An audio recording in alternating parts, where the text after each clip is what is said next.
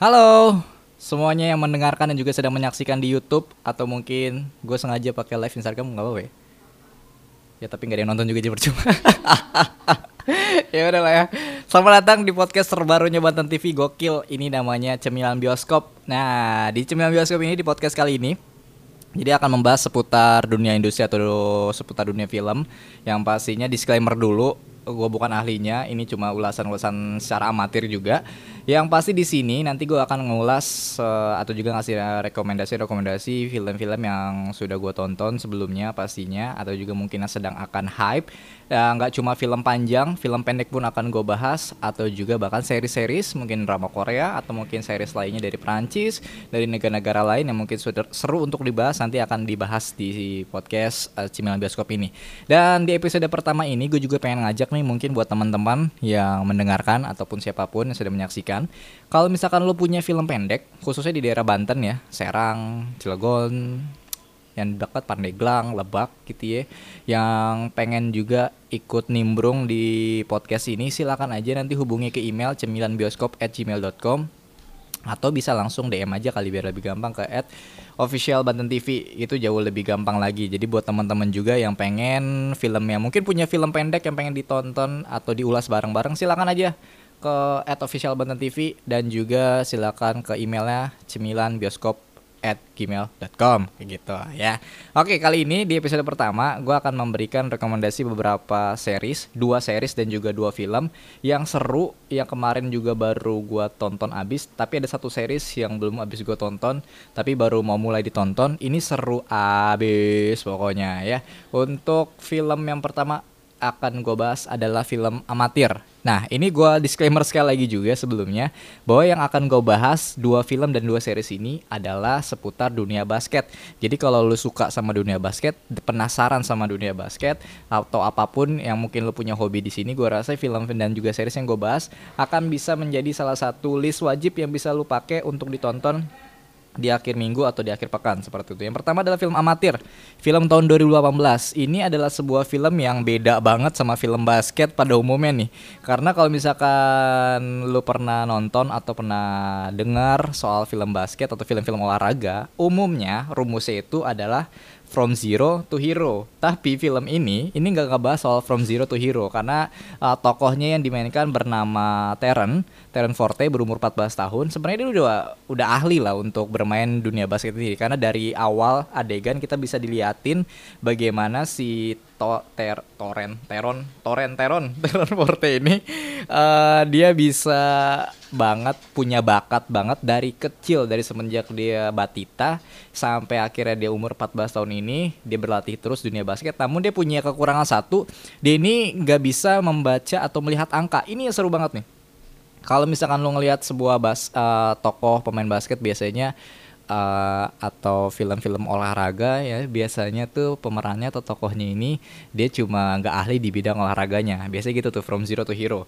Cuman di filmnya si apa namanya amatir ini pemerannya udah jago tapi dia cuma nggak bisa ngelihat angka. Dan akhirnya yang membuat ketika dia bermain dia tuh nggak tahu tuh. Biasanya kalau main basket tuh ada uh, scoreboard atau juga papan waktu. Biasa kalau sekali nyerang kita kan ada waktu dikasih 24 detik ketika 24 detik itu habis maka udahan tuh uh, serangannya. Nah dia karena nggak tahu, nggak bisa baca, nggak bisa lihat angka itu, akhirnya itu mengganggu dia. Tapi sebenarnya poin utama dari film amatir ini adalah intrik di balik dunia liga perbasketan liga amatir di Amerika di sana. Ini menarik bagaimana di sana ternyata uh, liga basket amatir di Amerika sana itu juga mengalami kejadian yang namanya korupsi lalu juga ada kejadian-kejadian lainnya yang bikin menariknya pada film ini. Dan ternyata memang film ini nggak berfokus kepada pertandingan basketnya tapi ke intrik-intrik di dalam atau di balik dunia basket liga amatir. Ini seru banget dan wajib untuk ditonton. Namun yang bikin gue heran adalah nyata di IMDb dapat rating 5,9 dari 10 dari 3.323 orang yang ngevote. Artinya kayaknya memang banyak yang kurang suka aja dengan film ini. Mungkin dikarenakan hanya ngebahas soal intrik kali ya. Jadi orang-orang kan nonton film olahraga pengen merasakan sensasi tergugahnya gitu dari zero to hero-nya. Cuma film ini nggak nggak ngebahas itu. Film kedua yang pengen gue bahas ini adalah film lama film tahun 2005 bernama Coach Carter, masih soal basket juga pastinya. Di mana film Coach Carter ini uh, berdurasi sekitar 2 jam lebih, 2 jam 16 menit. Dan ini adalah salah satu film olahraga yang paling sukses menurut gua, khususnya di dalam dunia basket di mana filmnya menceritakan soal Ken Carter, seorang pelatih uh, senior populer juga. Dia pengen direkrut sama banyak orang, walaupun sebenarnya dia sudah memilih untuk udah deh, gue nggak latih ngelatih orang lagi dulu. Gue mau sama istri gue, gue mau jalan-jalan ke suatu tempat yang sudah dijanjikan sama istrinya. Namun di tahun 99, Ken Carter ini akhirnya menerima satu pekerjaan lagi sebagai pelatih di sebuah sekolah bernama Richmond Nah, sekolah ini adalah sekolah orang-orang yang mungkin bisa dibilang terbelakang ya uh, secara pendidikan begitu. Bagaimana ternyata mereka yang tinggal di atau sekolah di Richmond ini mereka semua nggak fokus sama dunia pendidikan, cuma ya have fun, have fun aja Nah, Ken Carter sebagai tokoh yang muncul di sini sebagai tokoh utama juga berusaha untuk mengajak anak didik uh, basket ya tim basket di sekolah Richmond ini untuk gak cuma fokus main basket aja, tapi dia juga harus berfokus kepada dunia pendidikan. Jadi ketika mereka lulus dari sekolah, mereka tahu nih mau ke mana, ke kampus mana dengan pendidikan yang jelas sehingga mempunyai kehidupan yang lebih baik lagi. Ini menarik dari Ken Carter atau tokoh dari film Coach Carter ini adalah bagaimana penyeimbangan antara permainan basket yang intens lalu juga bagaimana kritik keras kepada apa namanya liga basket yang ada di sana yang nggak mengerti dengan uh, yang nggak menyeimbangkan antara atlet dengan pendidikannya. Nah, Ken Carter sini muncul dengan keras, bersikap tegas, bahkan sampai satu kejadian di mana Ken Carter menutup uh, gymnya atau lapangan basketnya dalam pertandingan melawan uh, rivalnya. Misalkan contohnya Richmond, rivalnya itu SMA 2 Kota Serang. Ya, jauh ya, tapi maksudnya gue contohnya begitu ya. Tapi ternyata ketika pertandingan itu, ketika pertandingan uh, kandang, uh, Ken Carter malah menutup uh, gymnya atau lapangan basketnya sehingga itu menjadi salah satu kejadian paling besar dan kabar ya. Gue belum bisa memastikan sih cuman ya sepertinya ini adalah sebuah film biografi nyata kejadian nyata yang terjadi di tahun 99 kan kalaupun memang iya gue rasa ini adalah salah satu film inspirasi basket yang paling oke okay sih yang bisa lu tonton belakangan ini Selanjutnya adalah series yang kemarin lagi rame di Netflix parah namanya The Last Dance. Wow, wow, wow, 10 episode gokil. Parah sumpah, gue harus mengakui bahwa film atau series dari The Last Dance ini ini adalah salah satu series yang apa ya? sebutannya ya uh, menakjubkan aja kali ya sebutannya bagaimana kita bisa ngeliat sosok Michael Jordan dan juga tim uh, basket terbesar di NBA di tahun 90-an hingga 98 adalah Chicago Bulls yang memenangkan 6 kejuaraan NBA dan keenam-enam ini menarik banget bagaimana di tiga kejuaraan pertama dimenangkan secara berturut-turut lalu tiga kejuaraan terakhir ya dimenangkan juga secara berturut-turut bersama Michael Jordan, Scottie Pippen, Dennis Rodman, uh, aduh gue lupa siapa lagi rekan-rekannya. Lalu juga ada Phil Jackson sebagai pelatihnya yang luar biasa. Ini membuat semua orang yang mungkin lahir di tahun 80, 90 dan 2000 awal yang pastinya pernah mendengar nama Jordan akan sedikit penasaran bagaimana sih sebenarnya sosok dia ketika di masa kejayaannya. Dan yang pasti di film atau di series uh, The Last Dance ini uh, lo bakal melihat bagaimana Jordan secara umum, secara sudut pandangnya dan juga bagaimana tim produksi yang paling kerennya lagi,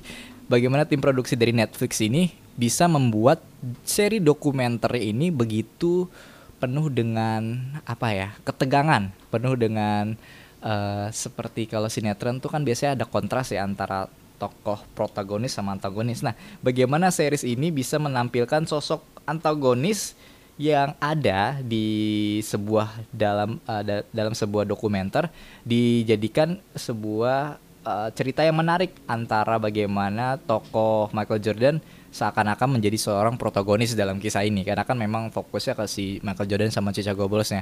Dan setiap episodenya juga sangat menarik bagaimana ada beberapa uh, kisah di balik uh, rekan-rekannya juga nggak cuma fokus ke Michael Jordan-nya juga seperti Scottie Pippen lalu juga ada kisah lainnya seperti dari Dennis Rodman, lalu juga ada Steve Kerr, uh, Phil Jacksonnya juga sebagai pelatih dan The Last Dance ini menjadi salah satu series yang memang rame banget untuk dan cocok banget untuk ditonton buat siapa pun yang suka sama basket dan penasaran sama Michael Jordan. Namun yang paling menariknya ada lagi adalah setelah film ini atau series ini keluar, muncul konflik atau kontroversi di antara rekan-rekan mantan rekan-rekannya seperti Scottie Pippen uh, yang merasa dirinya kok dianggap apa ya dalam frame yang jelek gitu dalam series itu. Lalu juga ada mantan rekan setimnya Horace Green yang juga merasa bahwa dianggap sebagai seorang pengkhianat di dalam series tersebut yang seakan-akan dia menceritakan bahwa dialah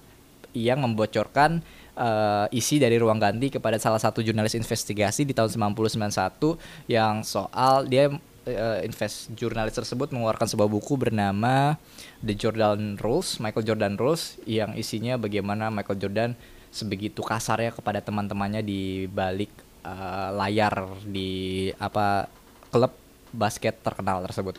Ini asik sih ditonton, coba deh nonton deh. Suka deh pasti. Sama seri terakhir yang bakal gue rekomendasikan adalah Basketball or Nothing.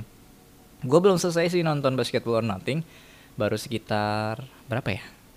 Kayak 30 eh enggak enggak enggak dua 15 menitan episode pertama karena kepotong waktunya. Cuman ini series yang juga ada di Netflix juga. Ini adalah series yang menurut gue juga menarik nih. Kenapa menariknya? Kalau dari premisnya eh, ternyata di Amerika ini ada salah satu sekolah SMA yang tinggal namanya sekolahnya Chinle High School Boys. Nah, di sana ini adalah mereka yang tinggal di sana adalah orang-orang dari suku India bernama Navajo. Nah ini juga menjadi salah satu suku India yang masih bertahan hingga sekarang ya. Dan ini menarik bagaimana suku India melihat ya suku India Navajo melihat basket di sana itu bukan cuma sekedar olahraga, tapi menjadi satu-satunya hiburan yang paling menyenangkan yang bisa membuat mereka begitu bahagia. Dan di awal adegan uh, filmnya itu itu juga narasinya men menceritakan atau menyatakan bahwa bagi mereka basket tuh seperti ganja gokil gak kayak lu tuh bisa nagih banget gitu karena bermain basket dan lu bisa merasakan kebahagiaan yang bener-bener luar biasa ketika lu bermain basket atau sekadar menontonnya. Nah ini menarik. Gue sendiri belum selesai menonton film ini, tapi kalau dari premisnya sih melihat bagaimana suku India di Amerika yang mungkin memang sudah tersisikan secara apa namanya apa ya namanya mungkin kasta gue rasa. Tapi gue berharap sih nggak terjadi secara nyata. Uh, dan juga bagaimana hubungannya dengan basket. Nah ini ya empat dua series dan dua film yang gue rekomendasikan bisa lo tonton seputar dunia film. Berapa menit tuh? Oh tiga menit. Maksud sih? Oh Oke, okay. itu ya dua seri sama dua film yang seru banget bisa lu tonton di Netflix sih gua rata-rata nyari di Netflix. Tapi berharap nanti mudah-mudahan akan ada series lain atau film lain yang bisa gue bahas lagi di episode atau podcast yang lainnya. Ya, itu segitu aja dulu pada episode pertama kali ini di Cemilan Bioskop. Buat lo sekali lagi teman-teman yang pengen film pendek ya ikut dibahas juga di sini, boleh banget.